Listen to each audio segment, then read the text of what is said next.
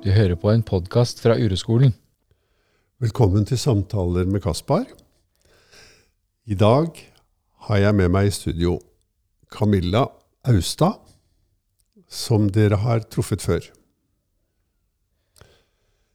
Eh, Og Camilla hun har med seg en problemstilling. Hei, Camilla. Hei. Hyggelig at du kommer og besøker meg og vil være med på samtalene. Det er alltid morsomt å ha deg med. Um, alltid når jeg har med folk, så overlater jeg til folk å ha med seg et tema. Uh, fordi jeg liker veldig godt å være uforberedt. Jeg ser på det som min jobb å være uforberedt. Og da kan det jo gå litt sånn hit og dit. Men uh, vi får se hvordan det går i dag. Ja, Har du tatt med deg temaet i dag? Du sitter med en sånn fin bok ja jeg har ditt. tatt noen notater. Ja. um, jeg tenkte at vi skulle snakke om skilsmisse. Så spennende. Ja, I dag er det Valentine's Day. Ja, det er det. Uh, og hvis jeg fortsatt hadde vært gift, så hadde jeg vært gift 19 år i dag. Ja. Skilsmisse er noe som berører veldig, veldig mange av oss. Ja. Så jeg tenkte kanskje vi kunne snakke litt om det. Ja, det syns jeg er spennende, altså. Det er Ja. vi, egentlig, vi har ikke laget noen mange podkaster om det på Uroskolen, og det er jo egentlig en skandale. Det må vi gjøre noe med. Ja, det er skandale. Ja, Få starte i dag, da.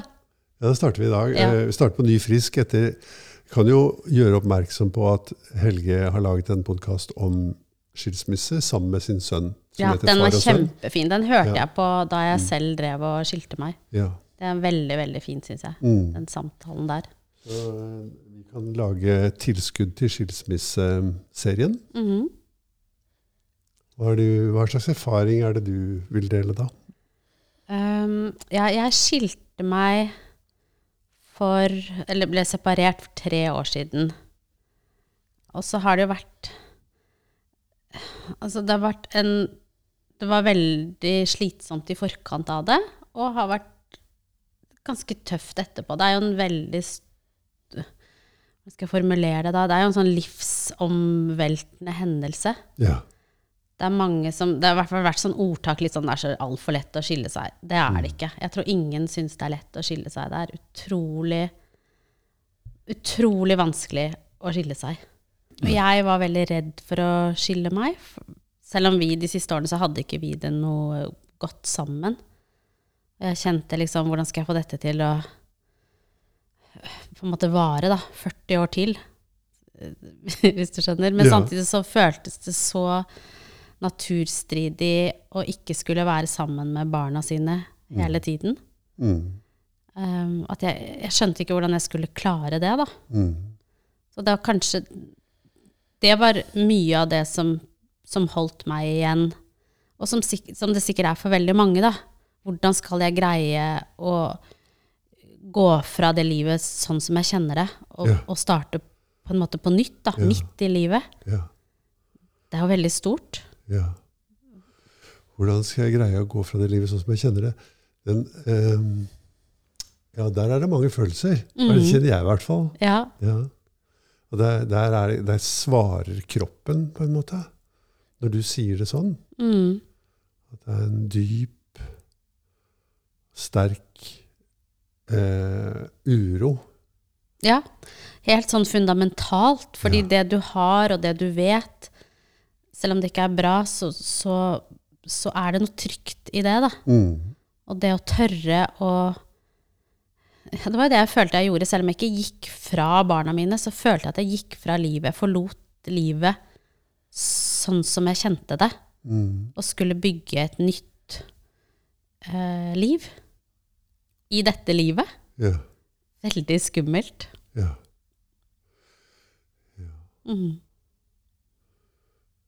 Visste du hvordan du skulle gjøre det?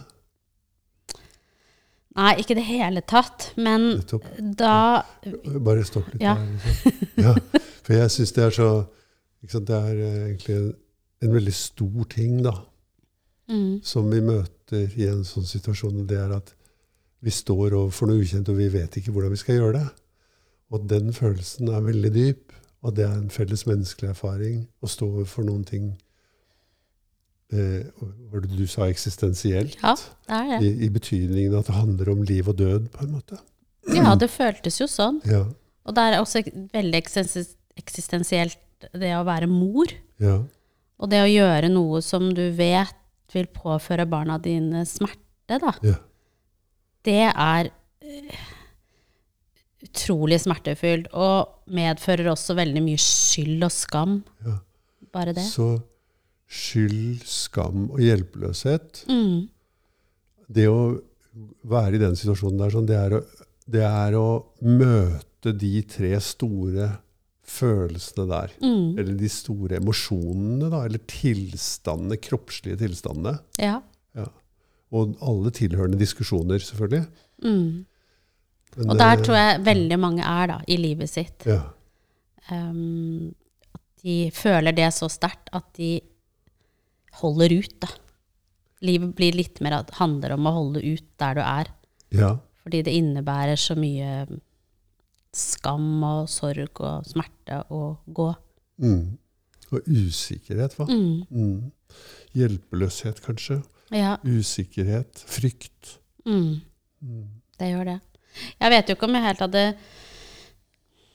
klart det uten deg, da. Jeg er jo veldig glad i deg, men vi møttes jo eh, da jeg og min eks begynte å få det veldig dårlig i 2018. Da tok jeg kontakt med deg og spurte om du kunne treffe meg. Ja. Men det kunne du ikke. Du hadde kjempelang venteliste. ja. Og så, dette husker kanskje ikke du, men så tok det eh, to år, faktisk. Og da, når jeg egentlig hadde kommet til det punktet at jeg kjente at nei, nå må jeg skille meg Det var nesten som jeg tror kanskje jeg hadde sagt det til og med den dagen. Så sendte du en tekstmelding, en SMS, Nei. og sa at nå har jeg åpning ja. i ventelisten min. Wow. Det tok jeg litt som et sånt tegn på at eh, kanskje Kanskje jeg kan klare dette. Um, og så har jeg jo det, da. Klarte det med hjelp av deg. Også fordi du Du gjorde jo et eh, jeg, um, dette, Denne har jeg fortalt mange ganger til venninnene mine, og jeg syns egentlig det er en veldig fin historie. Da, vi, da jeg satt på ditt kontor Jeg tror det var andre eller tredje gang jeg satt der, ja. Da satt jeg og gråt og Ja. beklaget meg over livet. Og så sa du det her er så jævlig kjedelig, så hvis du snakker mer om han nå, så hopper jeg ut av vinduet i femte etasje. Og så begynte jeg Ja, du sa det. Men så begynte jeg å le, så begynte vi å le begge to, og så kjente jeg bare at ja, det er jo helt riktig. Det nytter jo ikke å sitte og kverne og kverne om det samme. Jeg måtte på en måte begynne å jobbe, da. Eh, for det nytter ikke å bygge et nytt liv eller lykke på et sånn fundament av sorg. Du, du kan ikke kverne rundt i den sorgen. Og ikke at jeg ikke har fått lov å være lei meg sammen med deg, for det har jeg veldig mye. Men du bare du, du liksom, Jeg følte at du liksom nesten knipset med fingrene og fikk meg ut av den litt sånn selvmedlidenheten, da. Det er det, det man gjør når man knipser fingrene, det er å ta folk ut av en transe. ikke Ja, sant? Ja. og det, det var jeg nesten. Jeg var en sånn transa, litt sånn at jeg var så lei meg, og stakkars meg, og stakkars barnet min. Alt var bare Det er jo Mm. ingen Det er ikke noe nytteverdi i det, Mm. sånn som du snakker mye om. Og det syns jeg bare har vært så fantastisk. For jeg følte at du, du virkelig liksom ristet litt sånn livet med Da hadde jeg jo gått i den transen i mange år, sånn som folk gjør i dårlige ekteskap. De, noen har det dårlig i ti år, og noen har det dårlig i to år, men man går jo bare og på en måte klager, kanskje. Klager til venner, klager for seg selv, uten å gjøre noe med det, da. Og hva klager man på? Den andre, som regel. Yes, for, det Ja. var, for det var jo derfor jeg ville hoppet av vinduet. Fordi at du Ja, ja. snakket om Den andre. mannen din, den andre. Og det var han, alt var hans feil. Tror du jeg har hørt det før? Ja, utallige ganger. Jeg har hørt det før. Eh, og det var det jeg syntes var så bra at du Nei, jeg synes det bare Jeg tenker på det ofte fortsatt. Særlig hvis jeg kommer inn i litt sånn selvmedlidenheten at dette er så, sånn som du sa, så jævlig kjedelig at her er det bare å Fordi at, at sånn går folk i år ut og år inn i ekteskap eller etter skilsmisse og er bitre og sinte. Og, men da fikk det meg litt sånn ut av den transen. Jeg syns det var fantastisk. Sikkert litt uortodoks, men helt fantastisk. Jeg er glad for at det virket, hvis ikke så hadde jeg hoppet ut av vinduet. Ja. Så jeg er heldig for Ellers hadde jeg kanskje ikke fått lov å komme tilbake. Du hadde sagt at du hadde fulle lister igjen. jeg vet ikke. Men det er sant at du sier man sitter der og skylder på den andre, og tar på en måte ikke ansvar eh, for sitt eget liv, da. Eller sin egen lykke. Men ja, eller sin egen tilfredshet. Ja. Eh, Jeg syns vi må stoppe litt der, da. Og, så, ja, og bare gi enda mer oppmerksomhet til det. For det er sånn mm, Det er en svær greie. ikke sant? At når ting gjør vondt, så prøver vi å finne årsaken utenfor oss selv. Det finnes jo to muligheter når ting gjør vondt, og det er at det enten er noe gærent med noen der ute, eh, eller så er det noe gærent med meg selv. Og de aller fleste mennesker veksler mellom de to der. Ja. Men eh, i en sånn skilsmissesammenheng, Mm. Eh, eller sånn ekteskapssammenheng, da, så er det jo Du vet eh, Ekteskap er egentlig en slags arena hvor man stiller opp for å være den andres syndebukk. Det er hensikten med ekteskap. på en måte. Eh, Hensikten med parforhold. Det går jo fra å være den andres drømmeprins og drømmeprinsesse ja. til å være den andres syndebukk. Den som er årsaken til den andres lidelse. Tenk på det. Ja. Det var veldig spennende sagt. Vil du si at det nesten alltid er sånn? Ja. Ja. Og da må vi jo si nesten, for det finnes sikkert noen som unngår det. ja. Men ja, jeg tror ikke jeg har møtt dem. Nei. uh, Så innen en viss tid så går du fra drømmeprins til Ja, synderen? ja Til Ja. den som er årsaken til min lidelse. Mm. Og at vi tror på det, da. Ja. Og da er jeg, så er det jo på en måte det som er jobben, det er å komme tilbake til at nei Og det er, ikke, det er å komme tilbake til seg selv, og det betyr ikke at det er jeg som er årsaken til min lidelse. Det betyr at jeg vet ikke noen ting om hvor, hvorfor jeg har det så dårlig. Mm. Men at jeg må lete etter årsaken i meg selv. ja. I mitt eget sinn. Ja, Og det er en krevende jobb. Ja, det er en krevende jobb, da. For det er som vi mye ikke har lettere å skylde på den andre. Mm. Men jeg syntes at det var noe av det du lærte meg, da. Ja. Som er kanskje en sånn livslærdom. Altså noe jeg kan ta med meg resten av livet og inn i nytt parforhold. Og at jeg, at jeg Ja, at jeg ikke gjør det, da. Mm. Eh, Men, men jeg gjør jo det, jeg. Jeg skylder på den andre, altså på kona mi. Eh, eller på bikkja mi. dere har vært sammen så lenge, vet Eller du. på Så du, naboen. nå er det der igjen. Eh, eh, altså, jeg gjør det Ja. fordi at eh, sånn som det ser ut for meg, så er det der automatisk. Altså, Mm. Det er bare en, et spor i meg som går og går og går. på en måte. Eller det er en sti som er så grundig oppgått. da.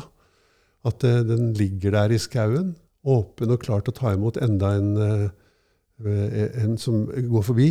ikke sant? Ja. En, som går, en som leter etter en vei å gå. Og den veien den er, det er noen andres feil. Det er noe gærent et sted. Mm. Og det stedet er det hos partneren. da.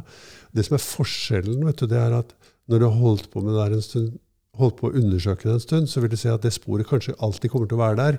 Men jeg kan bli klar over det. at nå, nå går jeg på den stien igjen. Og da kan jeg gå til sida. Ja. Og kanskje også la være å uttrykke det. Tenke at det ligger hos deg. Ja, absolutt. Ja. Det, er jo, det er et veldig stort poeng, Mm. syns jeg. Og det er derfor jeg sier at det er absolutt ingen grunn til å snakke med partneren din om det du syns er veldig vanskelig i parforholdet. Nei, det vet jeg. Det er så interessant at du sier. Men, eh, men det betyr, for hvis vi begynner å gjøre det eh, Hvis du og jeg hadde vært et par, og du hadde sagt jeg vil gjerne ta opp noe med deg, Kaspar, noe som jeg syns er litt vanskelig mellom oss, Ja. tror hadde, hvordan tror du jeg hadde hatt det da? Hvis du bare så på meg med, med all den vennligheten du kunne, liksom. Du hadde i hvert fall gruet deg. Gruet Alle meg, menn sant? gruer seg til den ja. samtalen der. Alle menn gruer seg til den samtalen. Ja. Eh, og det, og gru, et annet ord for grue seg er redd. ja. Og når jeg er redd, så har jeg jo ikke noe særlig tilgang til, å, til evne til å lytte, f.eks. Eller til å se deg som du er. Da ser jeg deg gjennom et filter som er at hun, Camilla hun er farlig, liksom. Hvis ikke jeg forsvarer meg mot det hun kommer med, så, eh, så kan det bli veldig, veldig vanskelig her. Men tenker du at man helst som par da aldri skal snakke om ting som irriterer deg med den andre? Man kan jo håpe at man, blir, at man gjennom å jobbe med seg selv klarer å ikke bebreide den andre, også klarer å kjenne disse mekanismene, da. Ja. Så jeg syns jo, jo det ville vært veldig dårlig råd å si at man aldri skal gjøre det. Eh, Men, men man trenger å arbeide veldig mye med seg selv før man kan få så mye ut av det. Og så vil jeg gjerne inkludere de som er unntaket, og som aldri har hatt noen problemer med å snakke sammen ja. eh, om det som er vanskelig. Men det er, veldig, det er jo klart, de kommer jo ikke til meg. Nei, for jo Det er det som er så spennende med deg, da. At du gir jo veldig annerledes råd enn en andre. Men det er, det er veldig fint det der at, at det at, eh, det som du snakker mye om da, uh, snakket mye med meg om at jeg måtte øve meg på å forholde meg virkeligheten, til virkeligheten sånn som den var. Ikke sånn jeg skulle ønske at den var. Mm. Og så eh, på en måte analysere da, hva er virkeligheten. Og så er det spørsmålet ikke igjen hvordan skulle jeg ønske at f.eks. han var, men hvordan forholder jeg meg til det? Og det syns jeg er så fint, for det er jo det det handler om, også det, de forskjellene man har. Hva er virkeligheten? Hvordan er det andre mennesket, og hvordan forholder jeg meg til det, istedenfor hvordan kan jeg forme det andre mennesket til å bli sånn som jeg ønsker at det andre mennesket skal være? Der er vel roten til utrolig mange ja. ekteskapskriser. kan man det, da? Nei, nei, men folk strever jo, holder jo på sånn et helt Ja. liv. Ja, ja. Ikke sant? Jeg gjorde jo det veldig lenge, jeg òg. Ja. Hvis nå bare han kunne vært litt annerledes, da kunne vi vært lykkelige. Mm. Det, ja, jeg gjorde jo det. Hvordan er virkeligheten? Hvordan er det her? Og så er det en ting vi veldig gjerne hopper over da. Mm. Og det er hvordan er den indre virkeligheten? Hvordan er det å være meg? Hva er det jeg er i kontakt med inni meg?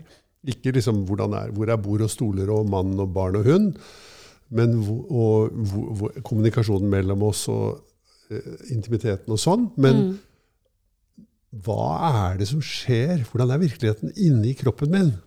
Ja. den, den som vi kan kalle den følelsesmessige virkeligheten, som, som jo er smertefull. ja. Og når den er smertefull, så vil vi jo helst altså, så- Så har vi automatisk masse strategier for å slippe å føle det. Så det er den vel, første delen av det. Det tror jeg også var sånn da du og jeg traff hverandre. at det første du måtte gjøre, det var å ta, oppmerksomheten innover til deg selv og se på hvordan, hvordan er det egentlig å være meg, når virkeligheten er som den er. Der ute. Ja.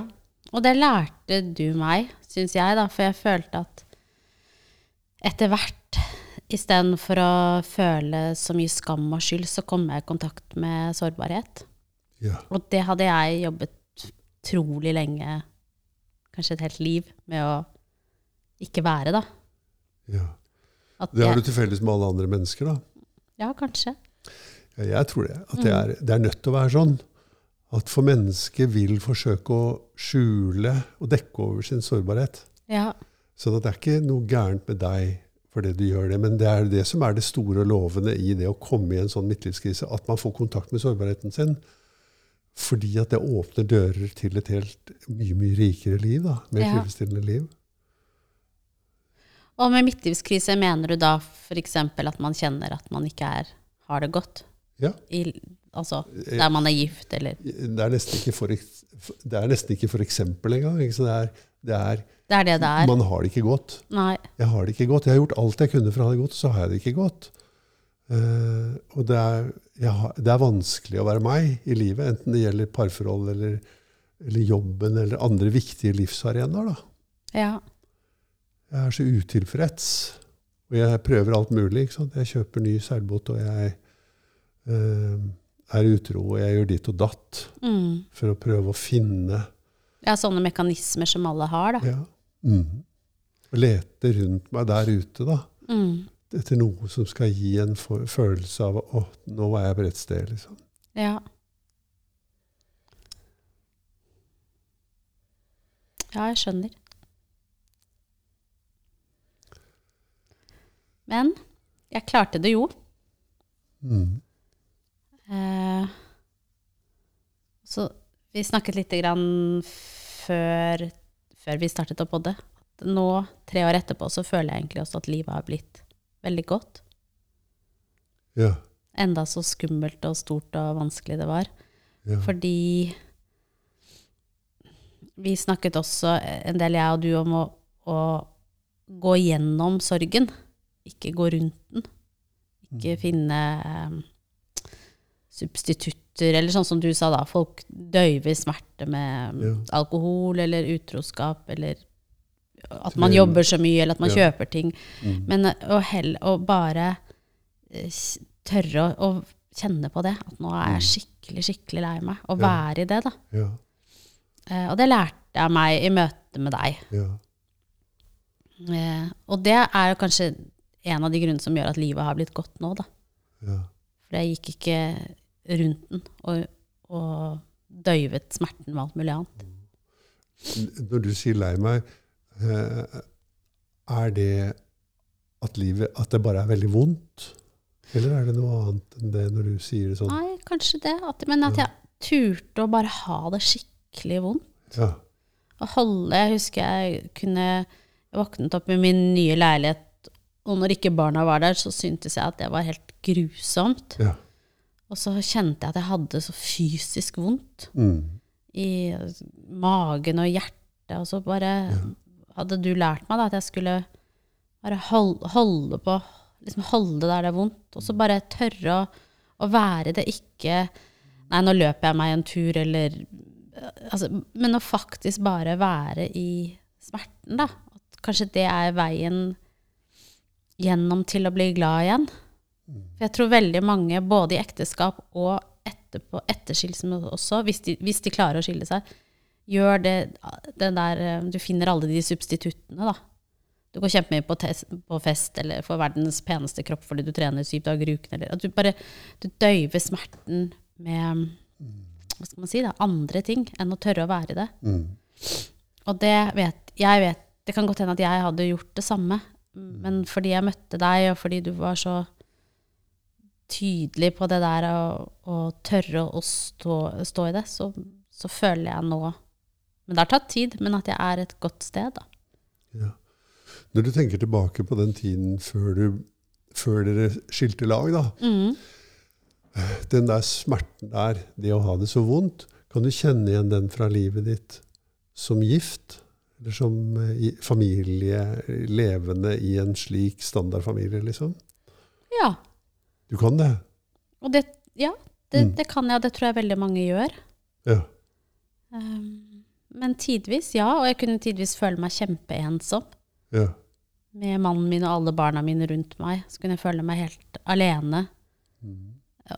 Men istedenfor å ta tak i det, så kanskje jeg bakte en enda bedre kake, eller ja, inviterte gjester på middag, eller liksom fylte livet med Ja. eh, ja, ting utenfra, da, for at jeg ikke skulle Mm. for at jeg ikke skulle kjenne på eller, Og jeg kunne også føle sånn eh, skyld for at her sitter jeg, jeg har fire, fire friske barn og mann, og så er jeg ikke glad. Det har jeg vel, har jeg vel ikke rett til. Ja. Um, ja. Kjenner jeg meg sånn utakknemlighet. Mm. Sånn, så ned på meg selv, da. Mm. Uh, og jeg kan også kjenne det igjen fra jeg var liten. Sikkert i situasjoner der jeg uh, følte skam, eller følte at jeg ikke hørte hjemme noe sted. Så kanskje det er en sånn følelse man man har med seg tidvis gjennom livet, alle mennesker, da. Ja, ikke sant? Ja. Ja, jeg tror det.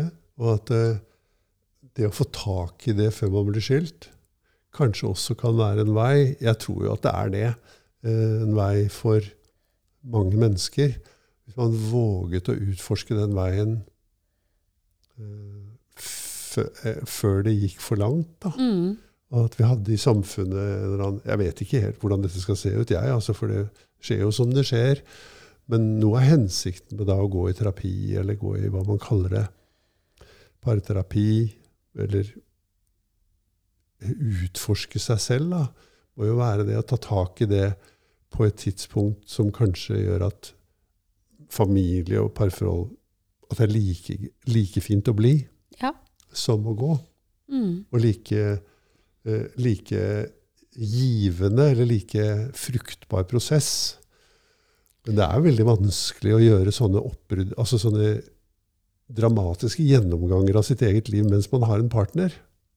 Veldig vanskelig.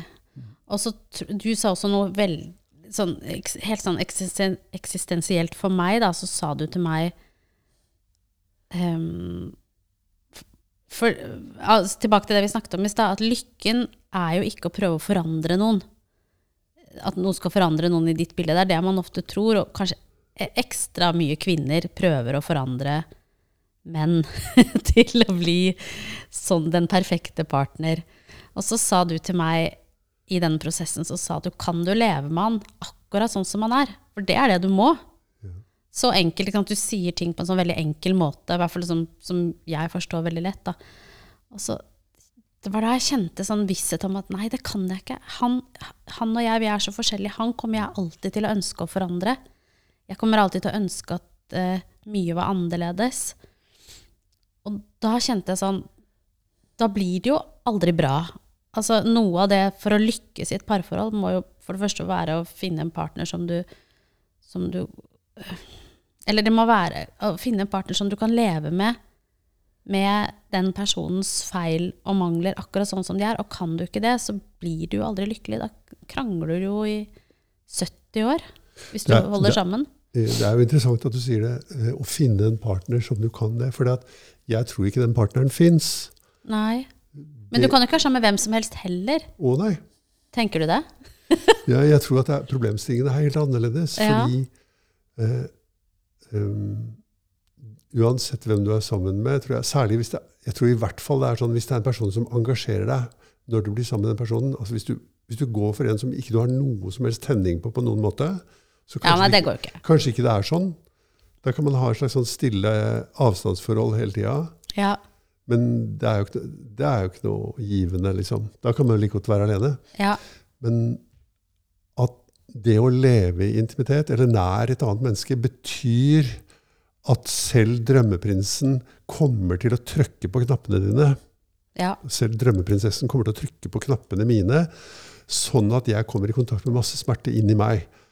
Og den smerten vil jeg projisere og si at det er den personen som er årsaken til det. Og så vil jeg begynne å forandre på den personen. Sånn er dynamikken, liksom. Mm. Jeg vil anta at den personen, det er noe gærent med den personen. liksom. Den skal ikke være sånn. Derfor så går det ikke an å det, det er uunngåelig. Det går ikke an å finne en person som er sånn at du kan leve med den og elske den. For jeg tror det er det som er kjærligheten, Camilla. Det er kan vi em, totalt si ja til virkeligheten eller personen sånn som personen er. ja, Det er det er det du sa til meg. Det er kjærligheten, tror jeg, da. Ja. Sånn jeg har forstått kjærligheten. Den har ikke noe med tiltrekning å gjøre. Den er, det, dette her er noe helt annet. Det er bare den totale eller fullkomne aksept av at virkeligheten er som den er, og jeg lar virkeligheten være sånn. Mm. Men det er det veldig få som belyser, da. Ja, jeg syns jeg også. Men eh, eh, det- det betyr at den ideen om at vi skal leve i et Hvis vi bare finner rette, så skal vi leve i et eh, godt forhold, den ideen er falsk. Det tenker du er tull. Ja, jeg, Ja. jeg tror at det er en falsk idé som vi gjemmer oss bak, og som gjør at vi kanskje skiller oss lettere også, for vi tror at vi skal finne en annen som passer bedre. Ja, kanskje. Eh, og, at, og at jobben alltid er innvendig hos en selv. Det er alltid min jobb å sørge for at jeg blir tilfreds. Det er alltid min jobb å sørge for at jeg blir i stand til både å, å stå opp for mine egne behov og sette grenser for det som ikke er ok for meg. Men hvordan gjør du det, da, hvis du ikke, kan, hvis du ikke skal snakke om det? Det er en ensom jobb, det der. Ja. Ok, det er det. Så jeg er ikke utlært enda. Er- Trenger mange timer til Ja. med terapi hos deg. Ja, så driver jeg ikke med terapi lenger. Jeg Nei, mener dette, her, dette her er jo noe man kan lære på en måte stadig mer om. Og jeg tror egentlig ikke, jeg er i hvert fall ikke utlært i det. Men, eh, men eh, sant? det å ha sunne grenser og kunne stå opp for sine egne behov, det er på en måte det er en slags lakmustest på å ha det bra, er det ikke det? Jeg tenker, hvis, jeg Jo, har, hvis, jeg har, jeg. hvis jeg kan de to tingene, så har jeg det ganske bra i livet, da. Ja. Eh, og, og det er jo det vi har problemer med når vi lever i parforhold. Ja. Veldig mye. Det der er ikke ok for meg. Uten å si 'gjør du det, så går jeg fra deg'. Eller men mer si det er nødvendig å leve i den vanskelige dynamikken som er å finne det der sånn. For finne kjærligheten, finne, eh, finne grensene og kraften og motet til å stå opp for sine egne behov. ja. Finne det, det gjelder alle mennesker. liksom. Det er liksom litt det å bli voksen, da. Nei, men jeg tror ikke jeg klarte det før det hadde vært et brudd. Nei? Som du sier, at de fleste kanskje ikke gjør Nei, jeg vet. At kanskje man ikke Eller kanskje de fleste av oss ikke er sterke nok til å, å klare det i det, det vante, gamle der du er, da. Ja. Jeg jeg vet ikke. For, du, du er inne på noe, ikke sant? fordi det der med det vante og det gamle, det binder veldig sterkt. da. Ja. Det lager liksom svinebindingen enda sterkere. ja, og utrolig vanskelig å bryte ut av det innenfor de samme rammene. Ja, Nesten umulig, ja. kanskje. Jeg er helt sikker på at det går an, men eh, det er også, jeg er også helt sikker på at jeg i hvert fall ikke klarte det. Nei. Nei, ikke jeg heller. Og det er ok. Angrer ikke på det, men, men det hadde jo vært fint å ikke såre andre mennesker så veldig mye. Tenker jeg på den ene siden, på den andre siden så tenker jeg ja, men det er uunngåelig Ja. og såre andre mennesker. Det hører til i livet, det også. Bli såret og såre. Ja. Ja, for det kjenner jeg jo veldig mye på fortsatt. Det overfor barna, da. Som sikkert alle i en sånn bruddsituasjon Mm. gjør. Mm. Det er lett å tro på at barna ikke burde ha opplevd det de har opplevd. Ja. For det gjør så utrolig vondt. Ja, og samtidig så, så føler jeg at jeg har det veldig godt nå, og de har det godt. At det har blitt godt. Og at kanskje jeg får lov til å, hvis man skal være litt sånn positiv på kjærlighetens dag, da, at jeg, Ja. at jeg kan også i mye større grad vise de hvem jeg er, hvem Camilla er. At jeg er mamma på en annen måte enn jeg var i mitt faste mønster Mm. før. da. Og at vi har kommet et sted der jeg kjenner meg ganske sånn rolig og glad inni meg, og, og, og føler egentlig at de får lov å bli Eller de får bli kjent med meg som den jeg er. Eh, og et menneske som er mye mer ekte enn jeg var når jeg veldig lenge i alle fall prøvde å opprettholde den fasaden, da. Fordi det så fint ut på utsiden. Så var det, selv om det var vanskelig på innsiden, så prøvde jeg å holde den, den fine utsiden Jeg trodde jeg gjorde det for deres skyld. Gjorde det sikkert litt for min skyld også. Men um, Du er ikke alene om det. nei. Tro at, vi tror jo på det, at vi gjør det for barnas skyld. Ja. Ja. Jeg tror bare at det ikke går an å lure barn. Nei, jeg vet. Eh, og det har du også lært meg, og det har vi snakket mye om, at de skjønner jo alt og vet alt uansett. Og kjenne på den stemningen. Og jeg kan tenke nå at kanskje det er, selv om de sikkert på noe vis skulle ønske at vi var sammen, eller at vi var en hel familie, så tror jeg også at det er godt for de å ikke leve i sånn tung, dårlig stemning lenger. Jeg vet ikke. Eller kanskje det er også bare en unnskyldning. Hva tenker vet- du? Nei, ja, altså jeg tenker følgende. Det er gjennom dine handlinger og gjennom ditt liv at du viser barna, lærer barna en tilfredsstillende måte å leve livet på. Ja. Og det hjelper ikke å snakke om det. Det hjelper å vise det. Ja. Eh, Det er også litt av grunnen til at det ikke er så mye vits å snakke sammen hele tida. For Mm. man må ut og leve livet. Man må ut og ta avgjørelser, og det gjør noen ganger veldig vondt. Men når barna opplever at foreldrene får et rikere liv, så er det godt for barna. Og det lærer barna noen ting om hvordan de skal få et tilfredsstillende liv selv. Istedenfor at foreldrene gjemmer seg bak og sier 'jeg har egentlig et usselt liv, men jeg gjør det for barnas skyld'. Det, er, står, det, er, det er, står ikke til troende. Fordi barna lider med deg. da. De er forbundet Ja. med deg, og de lider med deg.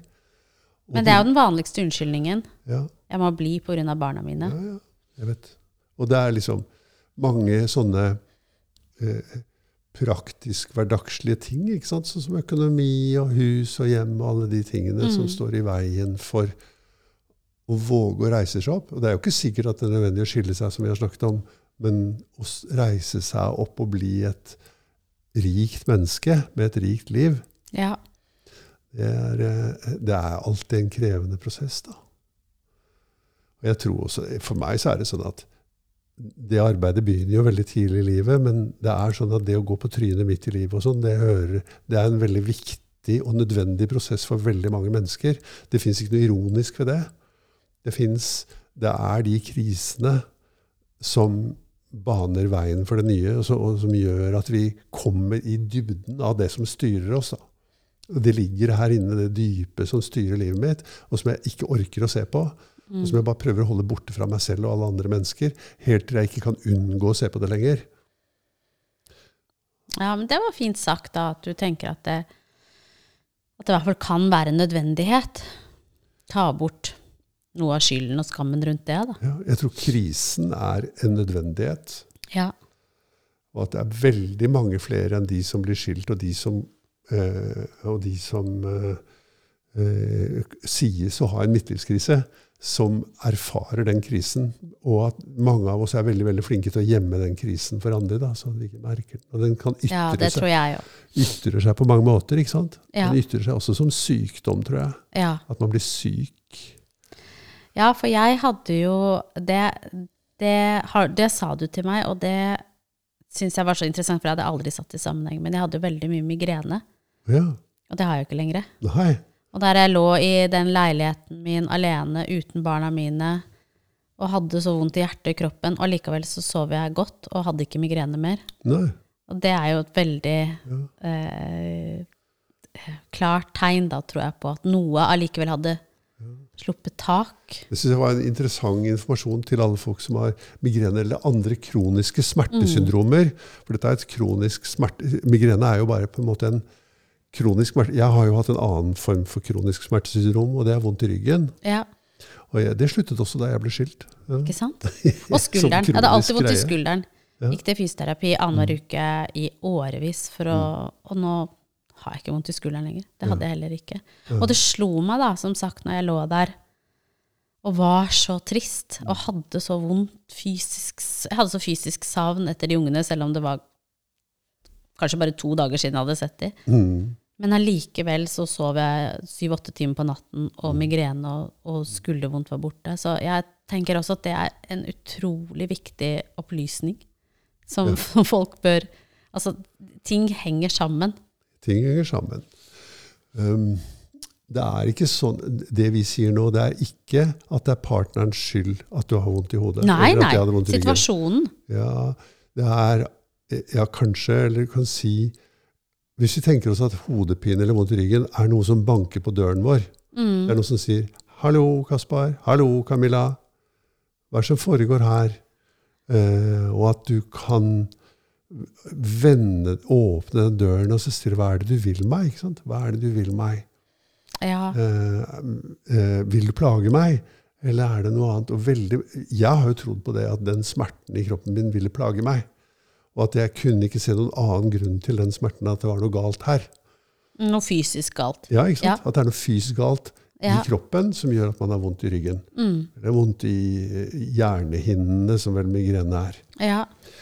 Um, og det um, det, er, det er jo én forståelse, men en annen forståelse er at vi må, vi må bli veldig syke før vi får ut fingeren. ja. Vi må bli, noen av oss må bli veldig syke før vi våger å se inn på at ah, det er noe annet, noe annet og mer grunnleggende som er vondt her, eller ute av balanse her, Mm. og som jeg må vende meg mot. Og at ryggen er mye mer et symptom ja, jeg tror jo også veldig på det. Men jeg tror også du har rett at det er ikke partnerens skyld, men den Det er ikke partnerens skyld, og det er ikke partnerens ansvar. vil jeg understreke. Ikke det hele tatt. Det er kun mitt ansvar at jeg har vondt. Og, Ja. jeg må, og jeg må finne min vei. og Vi lever i en kultur som er veldig mekanistisk når det gjelder sånne ting. Man leter etter det er noe gærent oppi der. Eller ja, baki Eller der. medisinering. Ja, medisinering og fysioterapi og kiropraktikk og Mm. operasjoner og alle de tingene der sånn. Og, eh, og er- jeg er helt sikker på at det er noen folk som hører på dette, som vil si at ja, men mm, det er ikke sånn for meg, for her er det noe gærent baki der. Ja. Og jeg kan jo ikke vite noen ting om det. Jeg kan bare vite at eh, har mye erfaring for, både personlig og mennesker jeg har truffet, at sånne ting avtar og kan bli sporadiske og til og med helt borte. Gjennom at man tar tak i eh, grunnleggende eh, eksistensielle spørsmål, da, eksistensiell smerte, som vi har, og som er det du snakket om innledningsvis. ja. Det er eh, ensomhet, skyldfølelse, skam eh, og frykten for det ukjente. Ja, For den er jo veldig sterk. Ja. Og på en eller annen måte så Mange av oss har jo vokst opp i dysfunksjonelle ekteskap. Mer Ja. eller mindre, ikke sant? Jeg, og det er ikke noen, jeg mener ikke noe kritisk mot mine egne foreldre eller andres foreldre. Jeg. Det er bare at vi har, det er vanskelig å leve i et veldig godt ekteskap. da. Og at det er ikke så mange som har lært hvordan skal vi gjøre det godt her. Nei. Så vi har, vi har vokst opp med mye smerte mellom foreldrene våre. Ja. Og vi har tatt med oss den inn i vårt første forsøk. Og så får vi se hvordan det går med det andre, da. ja, vi får se på forsøk to. Ja. Ja. Nei, det er sant, det. Mm. ja, men du, vi, kanskje vi skal lage en føljetong om skilsmisse? Ja, for nå snakket vi sånn eh, Ble det litt flytende i dag? Gjorde det? Kanskje. Ja, Vet ikke. nei. Jeg syns det var kjempefint å snakke med deg om skilsmisse. Uh, vi kan gå videre på det Ja. i en annen podkast. Mm. Det hadde vært spennende. Og Og hvis- kanskje litt om Ja. Kanskje vi kan snakke litt om livet etterpå? Kanskje man kan gi litt håp til Ja. noen som sitter og lurer på om de skal tørre? ja. For det har jo blitt veldig godt.